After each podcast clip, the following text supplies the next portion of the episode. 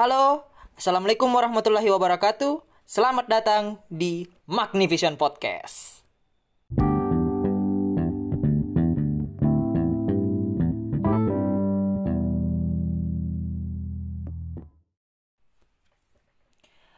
Ya, kembali lagi di Magnivision Podcast. Eh, sama saya Waisul Kani Ahmad. Di hari yang mendung, cenderung mau hujan.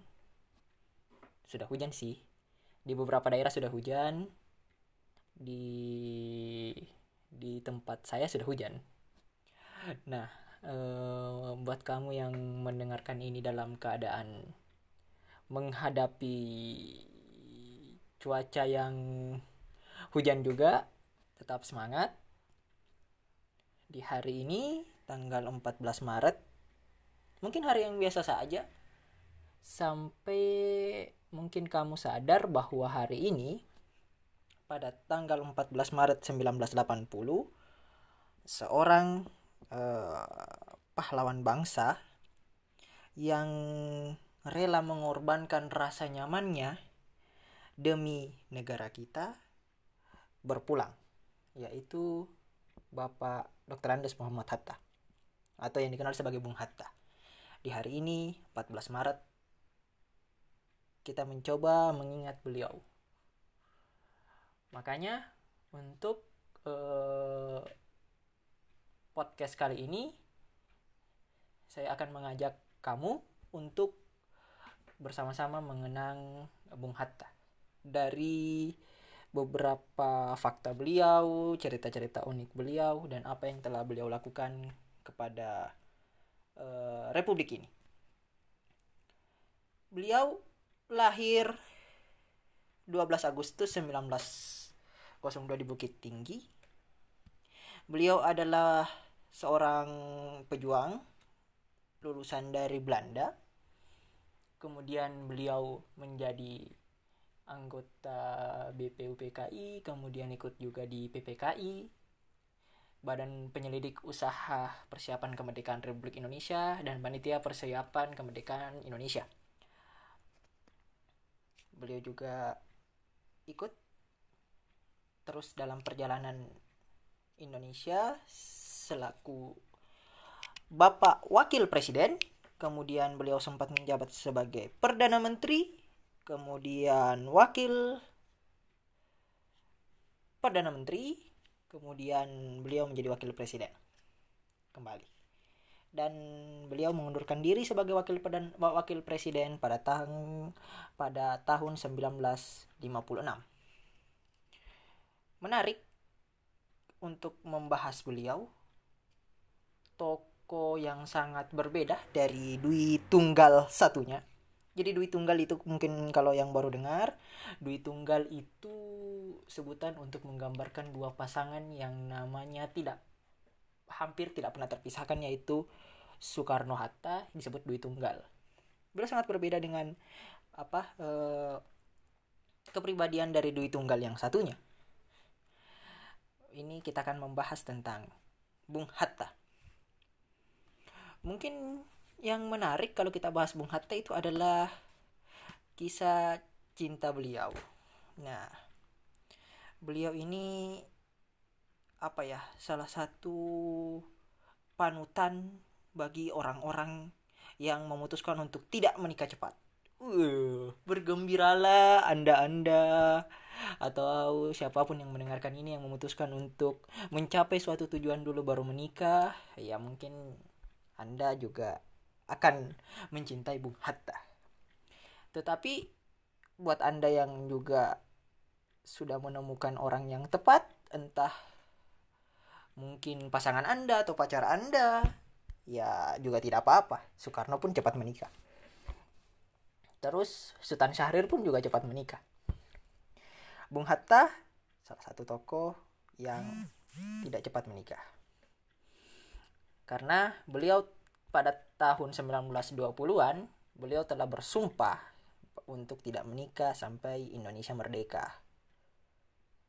Ya cukup cukup ya kita bisa suatu keputusan yang berani. Bayangkan saja ketika Indonesia seandainya saja Belanda tidak tidak diserang oleh Jepang sehingga Hindia Belanda diambil Jepang, kemudian Jepang kalah kalah uh, perang oleh sekutu Amerika di bom atom Hiroshima dan Nagasaki Indonesia tidak merdeka beliau akan menjadi jomblo seumur hidup seperti Tan Malaka tapi untungnya itu tidak terjadi tetapi yang kita bisa uh, ambil di sini adalah panutan dari beliau bahwa komitmen mereka untuk negara komitmen dia untuk negara sangat besar oke. Jadi yang pertama kita bahas dari apa ya? Saya sudah banyak baca artikel sebelum uh, membuat catatan untuk podcast ini. Akhirnya dapat dari suatu artikel dari republika.co.id. Di sini tentang uh, cerita cinta Bung Hatta. Jadi Bung Hatta itu dulunya sudah di apa ya? Sudah di sudah disarankan oleh keluarga-keluarga dia, apalagi ya adat kan kuat kan waktu di Bukit Tinggi, beliau untuk menikah. Beliau disarankan oleh eh, keluarganya untuk menikahi salah seorang bernama Ani Nurdin. Ani Nurdin ini dia pernah eh, kerja di Aceh pada saat itu disarankan oleh keluarganya tetapi Bung Hatta menolak karena dia punya komitmen itu bahwa dia tidak akan menikah sebelum Indonesia merdeka. Oke, lambat tahun tidak terjadi. Setelah Indonesia merdeka, setelah Indonesia merdeka, Soekarno bilang begini kepada Hatta. Bung, Indonesia sudah merdeka. Sudah saatnya kamu untuk menikah. Kalau kamu masih tidak mau menikah ketika Indonesia sudah merdeka, berarti kamu tidak normal. Indonesia tidak bisa dipimpin oleh orang yang tidak normal. Soekarno bisa bilang begitu karena beliau sudah pada saat dia bilang begitu itu pada tahun 1945 dan pada tahun 1945 Bung Karno sudah tiga kali menikah. Pertama Utari, kedua Inggit Garnasi, ketiga Fatmawati. Ya dia bilang begitu. Terus Bung Karno, terus Bung, Bung, Bung Karno tanya, "E, perempuan mana atau tipe mana yang kamu suka? Terus Bung Hatta bilang, saya suka sama perempuan yang kita temui di Institut Pasteur. Institut Pasteur itu di Bandung. Dia sebutkan ini yang ciri-cirinya begini, yang begini, begini, bla bla bla. Oke, Bung Karno akhirnya ke sana me- apa untuk membantu menyampaikan niat Hatta kan, membantu menyampaikan niat Hatta.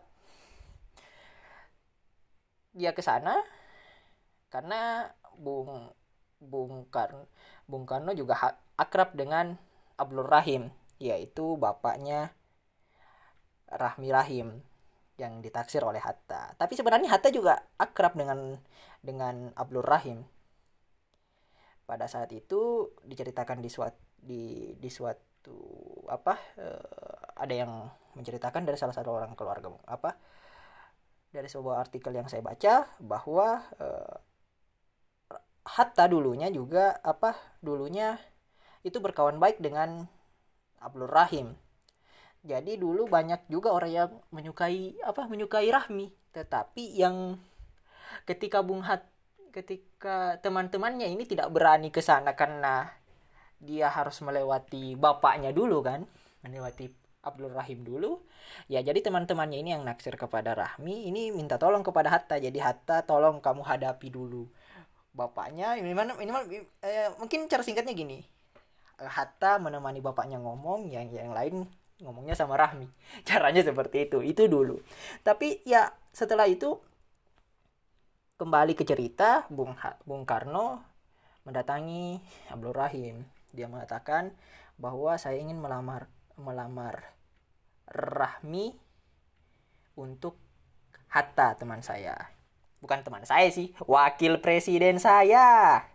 Ini nih wakil presiden saya mau sama kamu gitu mungkin cara kalau cara anak apa anak zaman sekarang ngomongnya mungkin seperti itu nah Abdul Rahim menyerahkan keputusannya kepada Rahmi apakah mau diterima atau tidak nah anda tahu Ani Nurdin yang saya sebut tadi itu menikah dengan Abdul Rahim dan lahirlah Rahmi Ayo, ayo, ayo. Kembali jernihkan pikiran Anda. Untuk menghubungkan dengan cerita yang tadi, mungkin saya bisa bilang ini salah satu judul. Bisa jadi judul FTV ya. Ketika mantan tunangan mantan mantan calon tunangan saya adalah mertua saya. Cia, cia, cia, cia, cia. Jadi begitu, apa? lambat laun ya pertama sih agak dari beberapa orang keluarga di apa di keluarga Rahmi tuh menolak karena perbedaan usia yang jauh. Di situ Rahmi eh, sem, eh, 19 tahun terus Bung Hatta 43 tahun. Jauh pak jauh jauh jauh. Orang orang saja biasa dibilang ketika oke okay, kamu ini misalnya kamu masih SMA nih kamu yang mendengar kamu masih SMA eh, laki-lakinya SMP kelas 3 SM, SMA kelas 3 nah ceweknya ini SMA kelas 1 itu juga bisa dibilang jauh. Apalagi 4 3 19 jauh. Jadi dulu eh, adiknya Rahmi tuh bilang wah nggak usah diterima ini. Waduh jaraknya jauh sekali jauh. Waduh. Tetapi akhirnya Rahmi tetap tetap mau menerima itu tetap mau dia tetap menerima eh, pinangan Hatta dan kemudian menjadi eh, menjadi istri Bung Hatta hingga akhir hayat Bung Hatta tahun 1980 beliau ini tidak lepas juga da- dari lobby handal Bung Karno. Jadi Anda jangan meremehkan Bung Karno dalam dalam dalam dalam hal meyakinkan orang. Di situ dia bilang, "Ah, saya jamin Bung Hatta dia itu orang baik." Dia bilang, "Dia di dia orang baik gitu." Diyakinkan diyakinkan oleh Bung Karno, ya akhirnya diterima kan? Artinya dari lobby-lobby Bung Karno akhirnya jadi mereka menikah di Bogor dengan mahar sebuah buku berjudul Alam Pikiran Yunani. Bagi mungkin kamu oh, yang punya teman orang Sumatera itu mungkin beberapa orang pada saat itu menganggap mahar buku itu terutama keluarga Bung Hatta, ibunya Bung Hatta itu mengatakan kamu itu tidak punya uang ya. Kalau kamu tidak punya uang saya kasih. Masa kamu kasih orang buku? Tapi Bung Hatta bilang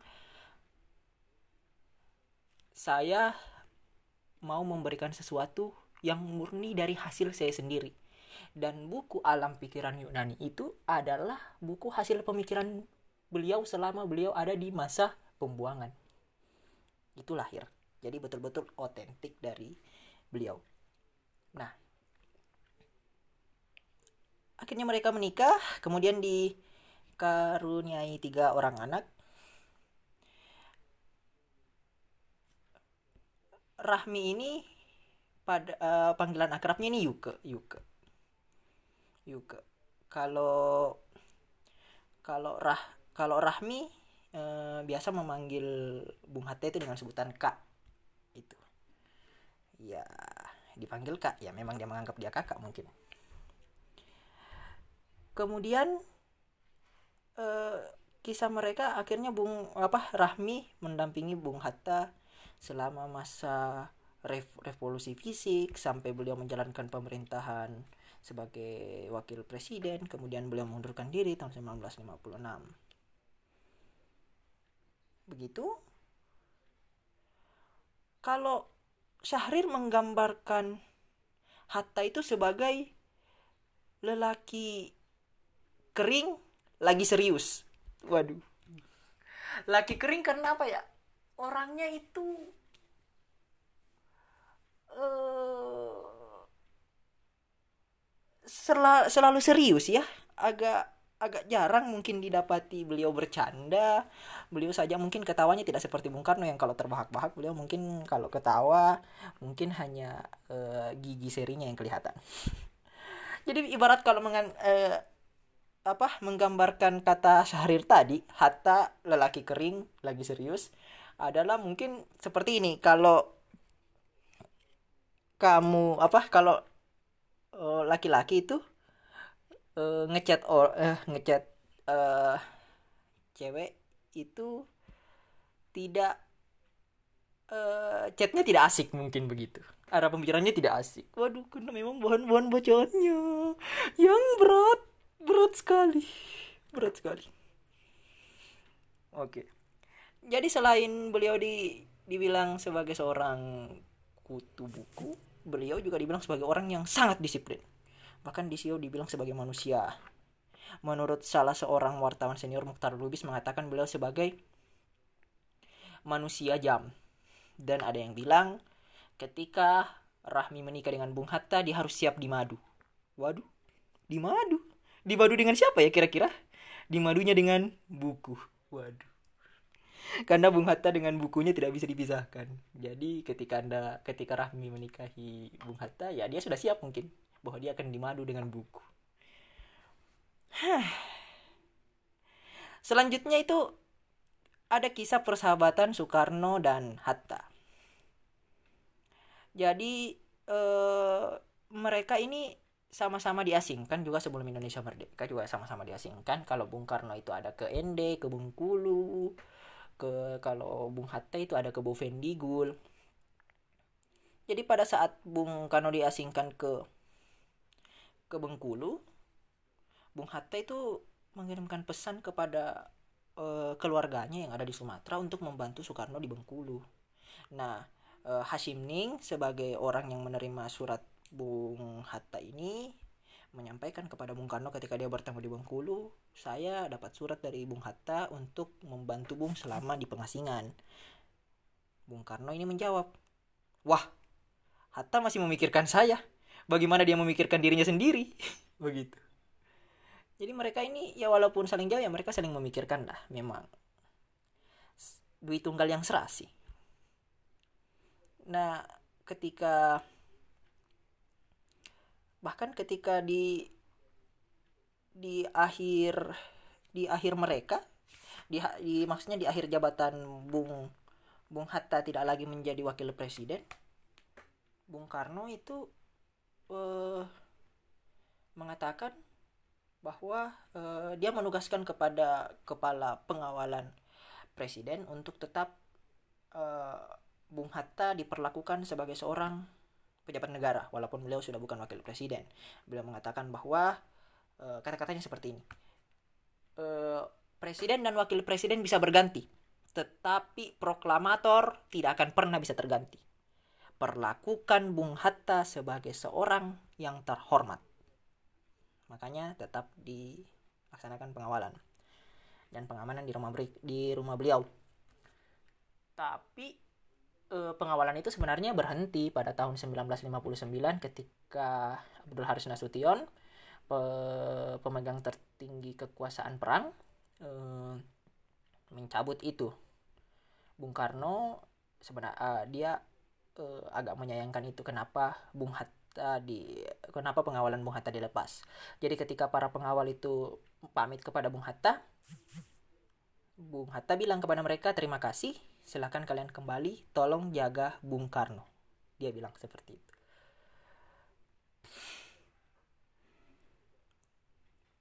Ah, benar-benar untuk beberapa kisah kalau saya sendiri membaca tentang Bung Hatta itu kadang terenyuh, kadang saya tertawa, kadang saya sangat kagum dengan beliau. Oke, Bob, uh, selanjutnya Bung Hatta ini seperti tadi yang saya bilang, beliau itu sangat sangat akrab dengan kata disiplin. Mungkin disiplin itu bisa jadi karena nama tengah beliau jadi Muhammad disiplin Hatta begitu.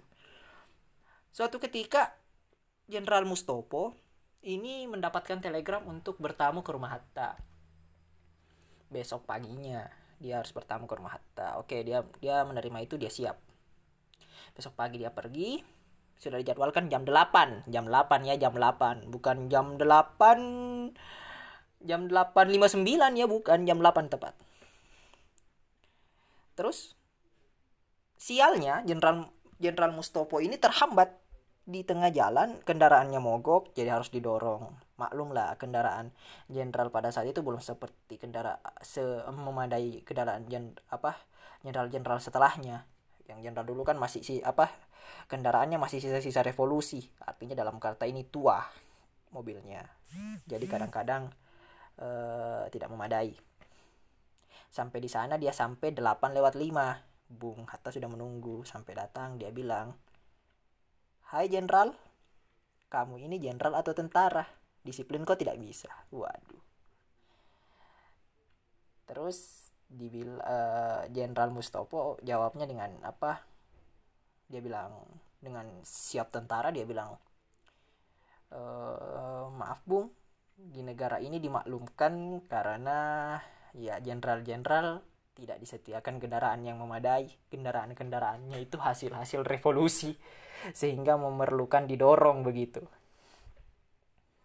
Ya sebenarnya beliau beruntung karena te terlepas dari amarah Bung Hatta pada saat itu tetapi untuk hal-hal lain nanti akan saya ceritakan lagi bagaimana Bung uh, kedisiplinan Bung Hatta. Selanjutnya uh, prinsip demokrasi beliau.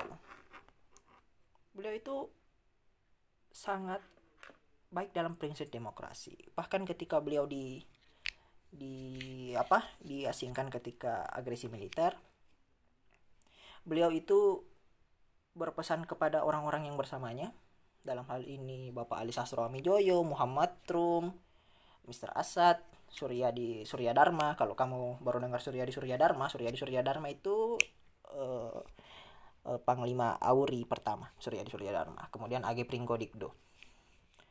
Untuk uh, tetap berpakaian rapi karena kita ini tetap sebagai agen negara walaupun kita dalam uh, pembuangan. Terus ya prinsip demokrasinya di sini. Uh, kita harus hemat air dan saya sudah hitung di bak mandi itu bagi kita semua yang ada di sini cuma cukup memakai 10 gayung air. Prinsip berbagi yang beliau tunjukkan untuk pada saat masa-masa pembuangan. Bagaimana beliau bahkan untuk air pun mereka berbagi. Beliau ini juga salah satu yang uh, dia tegas sekali dalam masalah jangankan demokrasi, dalam hal uh, penggunaan uh, alat-alat negara bahkan ketika beliau sudah keluar dari istana kepresiden istana istana wakil presiden ke rumah pribadinya beliau mengatakan kepada uh, apa uh, kepada anak-anaknya kemudian kepada Rahmi untuk uh, mengambil barang-barang yang kepunyaan kita. Kalau barang-barang negara jangan diambil. Terus dia pernah berpesan menyempuh apa meminta kepada keponakannya Hasim Ning untuk menjemput ibunya. Karena beliau beliau mau bertemu ibunya. Terus bu apa Hasim Ning ini kan dia pernah minta e, bung gimana kalau pakai mobil bung saya dia bilang saya tidak punya mobil. Saya punya mobil tapi mobil itu milik negara jadi tidak bisa dipakai. Jadi Hasim Ning jadi buat pusing akhirnya dia pakai mobilnya sendiri. Setelah setelah beliau tidak jadi menjadi wakil presiden beliau uh, hidup menggandalkan tulisan beliau banyak menulis karena beliau tidak punya lagi pemasukan dan gaji beliau sebagai uh, mantan pejabat negara gaji pensiunnya tidak cukup. Dan bahkan dikatakan di situ rahmi bahkan har, uh, perhiasan rahmi itu keluar masuk pegadaian untuk digadai untuk untuk, untuk uh, dipakai keperluan. Kemudian anak-anak Bung Hatta hanya memiliki beberapa pakaian yang dipakai untuk bersekolah. Itu diceritakan oleh anak-anak Bung Hatta ya ibu itu adalah uh, salah satu yang terenyuh ya. Salah satu dari kisah-kisah akhir beliau ketika tidak menjadi wakil presiden. Tetapi kita bisa belajar kesetiaan dari beliau kesetiaan beliau. Bagaimana kalau kamu berpikir ketika kamu pisah dari seseorang yang kamu anggap ya kita sudah uh, komitmen sama-sama kan menjalankan seperti ini. Suhar Soekarno dan Hatta kan sudah diangkat menjadi wakil presiden. Kemudian Hatta mengundurkan diri secara baik-baik. Melihat uh, kita bisa belajar bagaimana cara melihat atau menyikapi suatu persoalan dari cara pandang Bung Hatta. Oke saya berbeda pendapat dengan Soekarno. Saya mengundurkan diri dari wakil presiden tetapi beliau tetap presiden saya. Saya tidak memiliki masalah secara personal kepada Bapak Presiden, tetapi yang ada saya memiliki perbedaan politik dan pandangan kepada Bapak Presiden. Dan Bung Hatta tidak pernah mengkritik Bung Karno di luar kebijakan Bung Karno dalam hal ini. Personal beliau tidak pernah dikritik, tidak pernah dikritik. Contoh ketika itu mungkin kamu pernah dengar ada namanya pemberontakan PRRI Permesta. Di situ pernah dikatakan bahwa Bung Hatta diajak untuk ikut PRRI tapi Bung Hatta menolak bahwa saya memang berbeda pendapat dengan Bung Karno, tetapi bukan berarti saya akan melawan dia. Dan tidak mengakui. Mereka beliau itu adalah presiden saya dan tetap dan dan tetap presiden saya dan saya tidak akan melawan beliau. Tetapi beliau tetap mengkritik beliau lewat surat-surat beliau yang dikirim langsung atau yang dicetak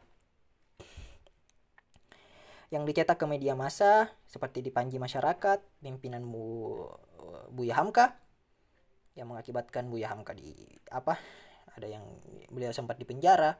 Terus Bung Hatta apa tulisan koran apa media-media yang memuat karya-karya Bung Hatta tentang kritiknya kepada pemerintah uh, itu dibredel dalam hal ini ditutup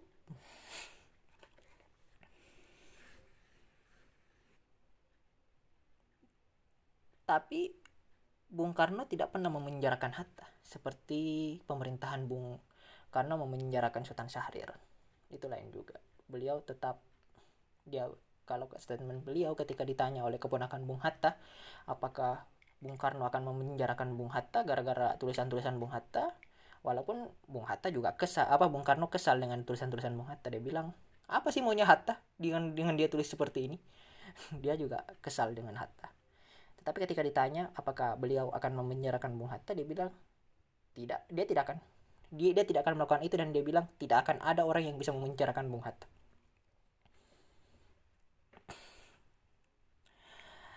Persahabatan yang apa ya suatu nilai demokrasi yang tertinggi bahwa ya demokrasi itu bukan bukan bukan sekadar uh, uh, apa kebebasan berbicara. Tapi demokrasi itu ya ketika anda bisa menghargai perbedaan pendapat dari orang lain dan anda berani mendengarkan orang itu dan duduk bersama dengan orang yang tidak sepemahaman dengan anda. Itulah demokrasi dan anda cuma bisa dapat demokrasi. Makanya debat itu adalah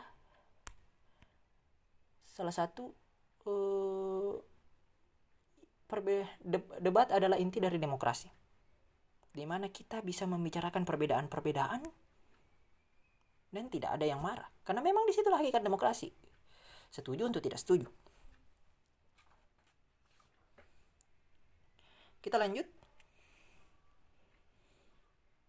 Oke uh, Bung Hatta pada saat mau diasingkan ke Bovendigul singgah di Makassar bersama Bon dan Syahmirah bersama Syahrir.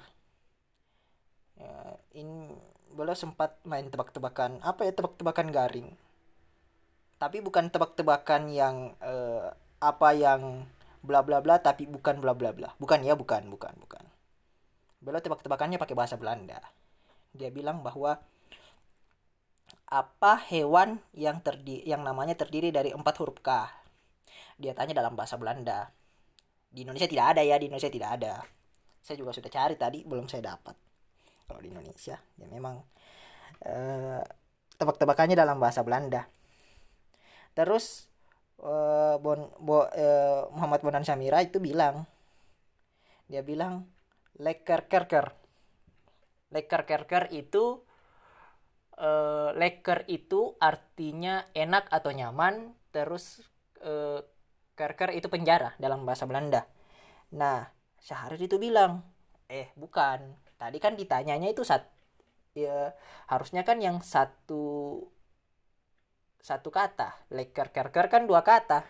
Terus Bondan bilang wah di dalam beberapa ungkapan dalam bahasa Belanda itu disebutnya satu disebutnya dalam satu kata. Tapi tetap saja e, e, apa tebakan Bondan Bondan ini salah. Terus dijawab oleh Bung Hatta. Bung Hatta bilang itu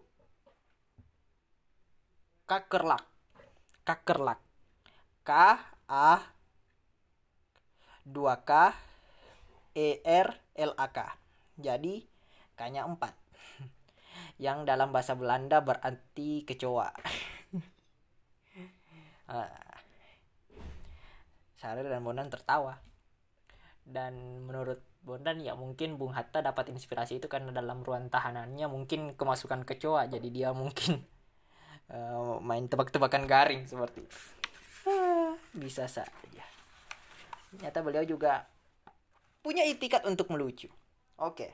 Bahasan selanjutnya mungkin untuk kamu kamu para pecinta kucing pecinta kucing mungkin akan turut bahagia ketika mendengar bahwa Bung Hatta dan juga Bung Karno adalah seorang penyuka kucing. Kita akan bahas. Soekarno itu pada saat tinggal di ND dia punya 35 ekor kucing. Yang anehnya tidak pernah berkeliaran ke mana-mana selain di lingkungan Bung Karno. Kemudian tidak pernah ribut. Walaupun meski dalam perbagian makanan juga. Dan dia hidup di atas loteng rumah Bung Karno di ND dinamakan oleh Bung Karno dengan nama Welen, Joko, Tuti, dan Api. Pada saat Bung Karno pindah ke Bengkulu, Bung Karno juga punya seekor kucing. Jadi pada saat beliau bersama dengan Ibu Inggit Garnasi, istri beliau,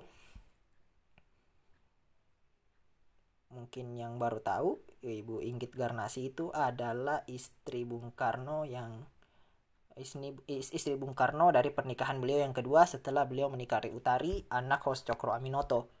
Inggit Garnasi ini ditemui Bung Karno ketika Bung Karno kuliah di ITB sebagai ibu kos beliau.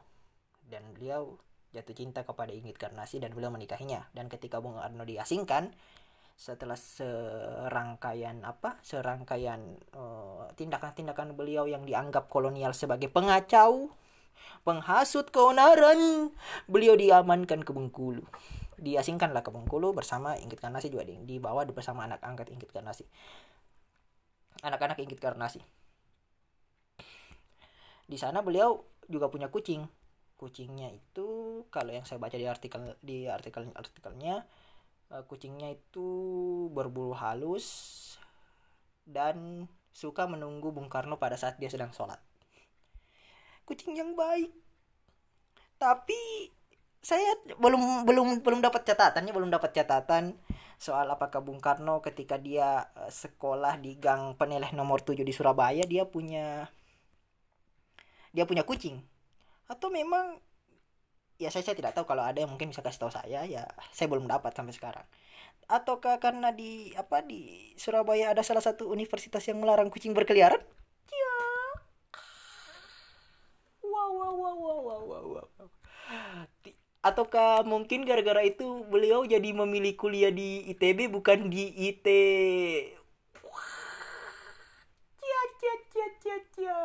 tidak ya tidak ya. Saya cuma bercanda saya cuma bercanda.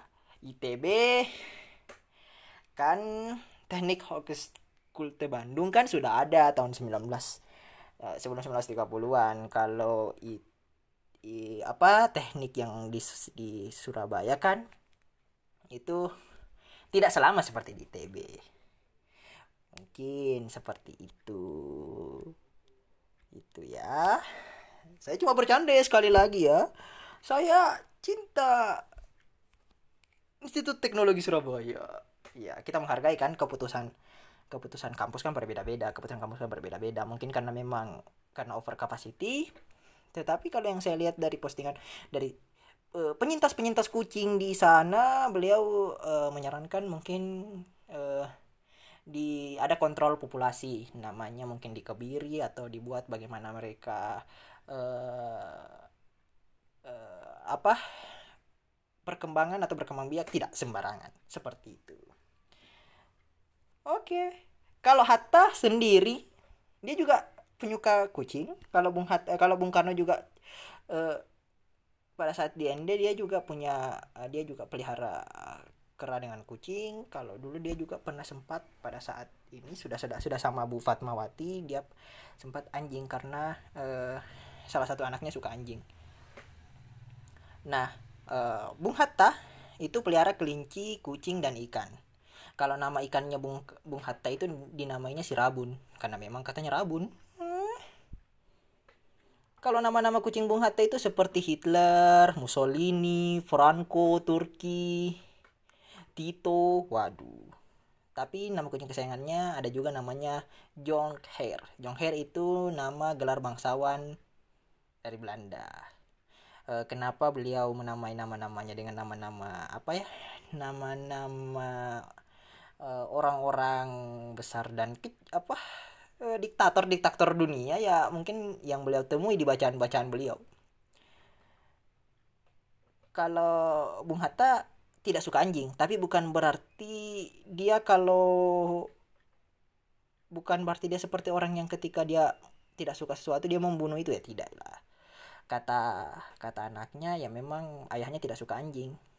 Jadi tapi bukan berarti eh, eh, dia tidak menaruh apa per apa eh, ada yang ketika dia tidak suka anjing tapi eh, dia dia tidak suka anjing dia membenci anjing dia tidak seperti itu. Dia cuma tidak suka saja. Seharusnya begitu. Ketika kita tidak menyukai ya bukan berarti harus membenci juga kan? Seperti kata Dilan kebudayaan Bandung. Oke, selanjutnya beliau itu ya seperti yang tadi dibilang, beliau seorang bibliofil, pecinta buku. Beliau bahkan eh buku-bukunya jumlahnya ada 10 ribuan. Kalau di rumah Bung pribadi Bung Hatta sekarang, kalau kalau mau tahu jumlahnya ada 10 ribu buku. Beliau juga punya cerita menarik dengan salah satu keponakannya. Eh, jadi bukunya Bung Hatta itu keponakan Bung Hatta ini punya eh, apa eh, mau pinjam bukunya Bung Hatta terus Bung Hatta bilang jaga baik-baik dan segala macam ketika mau dikembalikan bukunya terlipat. Bung Hatta naik pitam. Naik pitam dalam seperti ini dia marah ya bukan berarti dia "Ah, bukuku tidak tidak. Tidak seperti itu ya. Dia marah karena bukunya ini. Bahkan dia bilang kepada keponakannya tolong carikan saya buku yang asli ini. Sementara buku ini didapat Bung Hatta. Ini sudah buku tua dan bukunya dia dapat di Belanda. Waduh. Bagaimana caranya nah begitu. Bung Hatta juga orang yang eh pernah dikerjai sama teman-temannya di Belanda. Karena temannya sempat curiga sih. Karena beliau wah jangan-jangan Bung Hatta tidak suka perempuan ini. Waduh bahaya.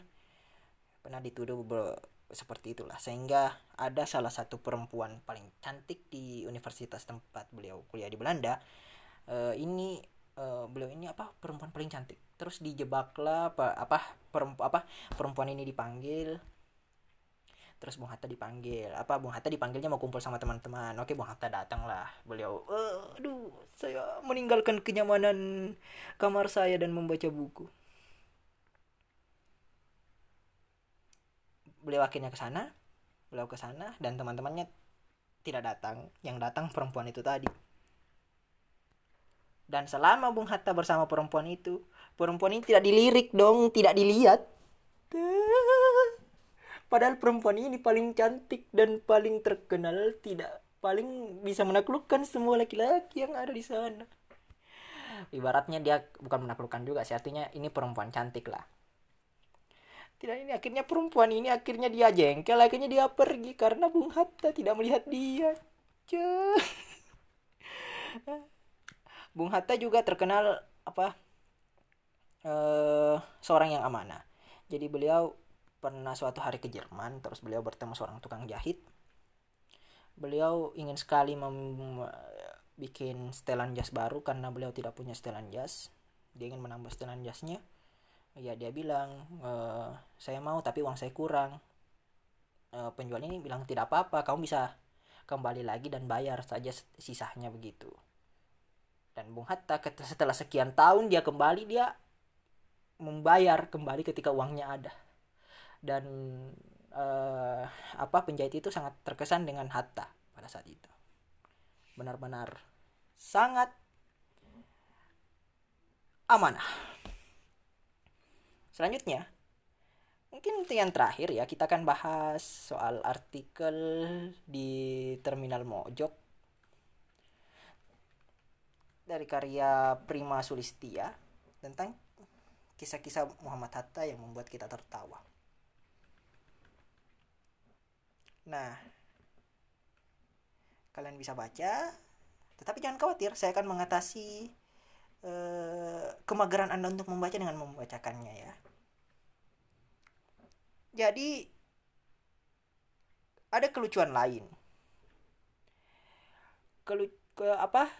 Salah satu kisahnya dari Des Alwi, anak angkat Hatta. Ketika Hat, ketika Des Alwi masuk ke sekolah menengah, dia dipanggil dari Banda Neira untuk bersekolah di Jakarta. Des itu mengingat Hatta adalah bapak yang sangat keras dan ketat dalam memantau prestasi belajar anaknya di sekolah. Ia paling tidak toleran dengan nilai buruk. Suatu kali Des mendapat nilai merah di rapornya Kira-kira apa responnya Hatta? Saking kesalnya, dia menyuruh Des pulang ke Banda Neira dengan berenang. Berenang dong, berenang. Disuruh pulang gara-gara nilai buruk. Waduh. Selanjutnya, ya beliau juga di digelari sebagai Zack Leach atau luar biasa disiplin. Soal-soal buku itu pula sering menjadi cerita parodi tentang Hatta yang paling kerap diulang, apalagi kalau bukan soal 16 peti koleksi bukunya yang ia bawa dari Belanda ke Jakarta, diangkut lagi ke Bovendigul ketika dibuang ke sana. Masih tak luput dibawa ketika dipindahkan ke Banda Neira, kembali ke Jakarta dan kemudian ke Bangka. 16 peti. 16 peti nih, 16 peti buku 16 peti buku. Dia bawa ketika dia diasingkan dari Jakarta ke Banda Neira ke Bendigul kemudian dia bawa kembali. Jadi jangan ceramahi dia soal travel like. Saya jadi ingat suatu peristiwa juga ketika beliau mau akhir sekolah beliau sel selesai sekolah di Belanda selesai juga dia kembali ke Indonesia. Dia tidak cukup uang untuk mengirimkan semua bukunya jadi bukunya itu ada sekitar 6 peti dia hanya bisa uangnya cuma cukup untuk membawa pulang 3, 3 peti alhasil 3 peti disimpan di sana. 6 peti buku. Nah selanjutnya. Gara-gara buku yang tadi Bung Bung Hatta itu sempat bertengkar dengan Cah dengan Sahrir dan kawan-kawannya sejak di Belan sejak di Belanda sampai ke Banda Neira. Ceritanya sewaktu akan kembali ke Jakarta, Syahrir ingin mem ingin mereka membawa serta anak-anak angkat mereka, adik-beradik Des Alwi yang jumlahnya enam orang. Tapi pesawat mereka rupanya tidak kuat membawa setengah lusin anak dan 16 peti. Harus dipilih salah satu untuk ditinggalkan. Syahrir kekeh bawa anak-anak, Hatta sendiri bisa ditebak. Tentu saja, pilih buku yang sudah melalang buana 2 per 3 luas dunia itu. Waduh. Walau akhirnya Hatta mengalah, syaratnya sialan juga sih. Des Alwi yang tadi disebutkan tidak jadi diajak agar bisa menjaga buku-buku itu sampai semuanya tuntas dikirim ke Jakarta. Cerita lainnya juga ketika beliau sudah mengundurkan diri dari wakil presiden, beliau uh, menyusun kembali buku-bukunya di rak. Terus salah seorang uh, orang yang disuruh untuk menyusun itu salah uh, menaruh bukunya, bukunya itu ditaruh terbalik. Terus Bung Hatta menyindirnya dengan bilang e, bagaimana orang bisa berjalan kalau kepalanya terbalik waduh gara-gara itu Waduh. Benar-benar beliau salah seorang ya pemuja buku juga. Beralih ke kisah selain buku. Kala masih di Neira, pulau yang pantainya indah itu, suatu hari Syahrir dan Hatta mengajak anak-anak angkat mereka berenang ke pantai. Keduanya memang tinggal serumah, Syahrir yang energik dan suka berenang, segera saja cerbu langsung dia ke air dan hanya bercebur dengan hanya bercelana ketika sampai di pantai. Sementara menurut Des Alwi Om Hatta masuk ke air dengan baju lengkap dan bersepatu. Waduh orangnya memang selalu terkenal rapi. Memang menurut uh, uh, salah seorang wawancara dengan anak beliau, anak-anak beliau bilang bapaknya memang yang selalu rapi. Artinya ketika beliau, uh, beliau rapi itu menghargai orang katanya. Bahkan ketika beliau keluar eh, apa uh, bertemu orang itu pasti selalu berpakaian rapi. Selanjutnya, du pertama uh, beberapa kisah lainnya adalah uh, mungkin ini menandakan ya beliau tadi uh, seorang yang kikuk ya. Beliau juga kikuk ketika ya beliau mungkin berjomblo lama ketika itu beliau punya anak pertama. Kira-kira si bap si bapak yang kikuk itu datang ke rumah sakit menjenguk istrinya. Kemudian kira-kira uh, apa yang dibawa Bung Hatta ke sana ya Apakah itu baju, selendang, pakaian bayi, bunga coklat? Oh, bukan. Dia bawa apa? Dia bawa sandwich. Aduh. Cerita cerita terakhir. Bayangin dong, orang orang ini is is- istrimu ini melahirkan istrimu ini melahirkan kamu datang ke sana ya mungkin ya mungkin bawa baju hang bawa apa bawa selendang bawa apa ya kamu bawa sandwich dong ya oke. Cerita yang terakhir itu tentang bagaimana eh, suatu ketika Hatta akan berpergian dengan pesawat. Bersama rombongan datanglah ia ke Bandara Halim Perdana Kusuma untuk menunggu pesawat yang dijadwalkan datang pukul eh, katakanlah 9 tepat.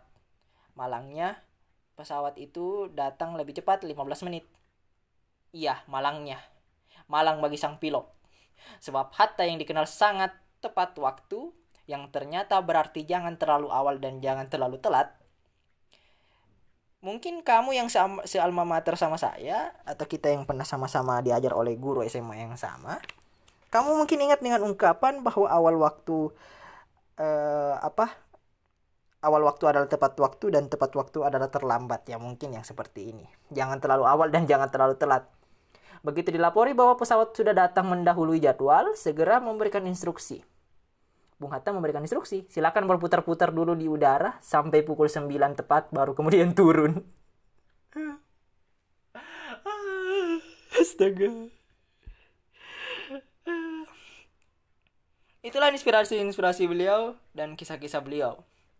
Beliau mengajarkan kita tentang bagaimana beliau eh, pengorbanan beliau terhadap negara, terus bagaimana sisi-sisi lain beliau, bagaimana beliau sangat cinta buku, bagaimana beliau sangat menghormati demokrasi dan beliau itu ada lagi cerita yang kemudian saya ingat.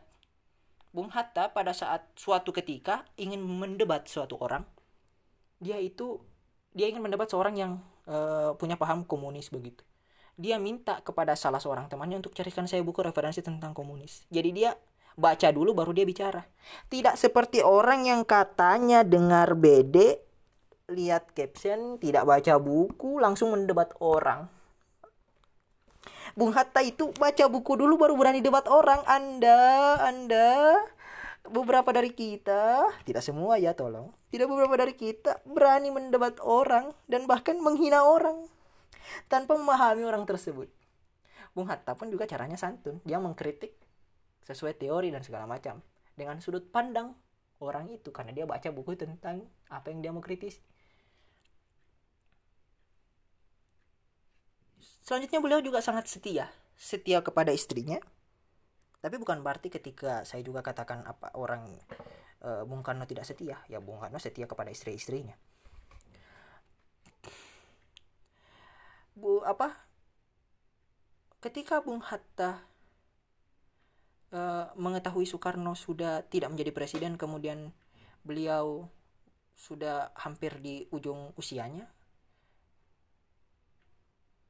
Sebelum Bung Karno meninggal, dia bertemu dengan Bung Hatta dan mereka terlibat dengan percakapan berbahasa Belanda yang menanyakan Bung, Hatta, Bung Karno Bung Karno menanyakan kepada Bung Hatta bagaimana kabarmu? Dia bilang saya baik kamu bagaimana? Mereka berbicara. Mereka bergandengan tangan. Dwi Tunggal itu bertemu setelah sekian lama karena Bung Karno juga tidak bisa ditemui karena beliau dalam eh, pengawalannya apa pengawasan yang ketat di Wisma Yaso. Tidak bisa sebebas dulu ketika mereka beliau menjadi presiden. Bung Hatta yang eh, miris mendengar kabar-kabar Bung Karno dia datang ke sana dan bertemu Bung Karno dan dia berjabat tangan memegang Bung Karno. Mereka ber- terlibat pembicaraan yang sangat dalam. Kemudian eh, eh, beberapa hari setelah itu Bung Karno meninggal. Jadi mereka sempat bertemu dua Dwi Tunggal ini bertemu dan mereka berdua menangis.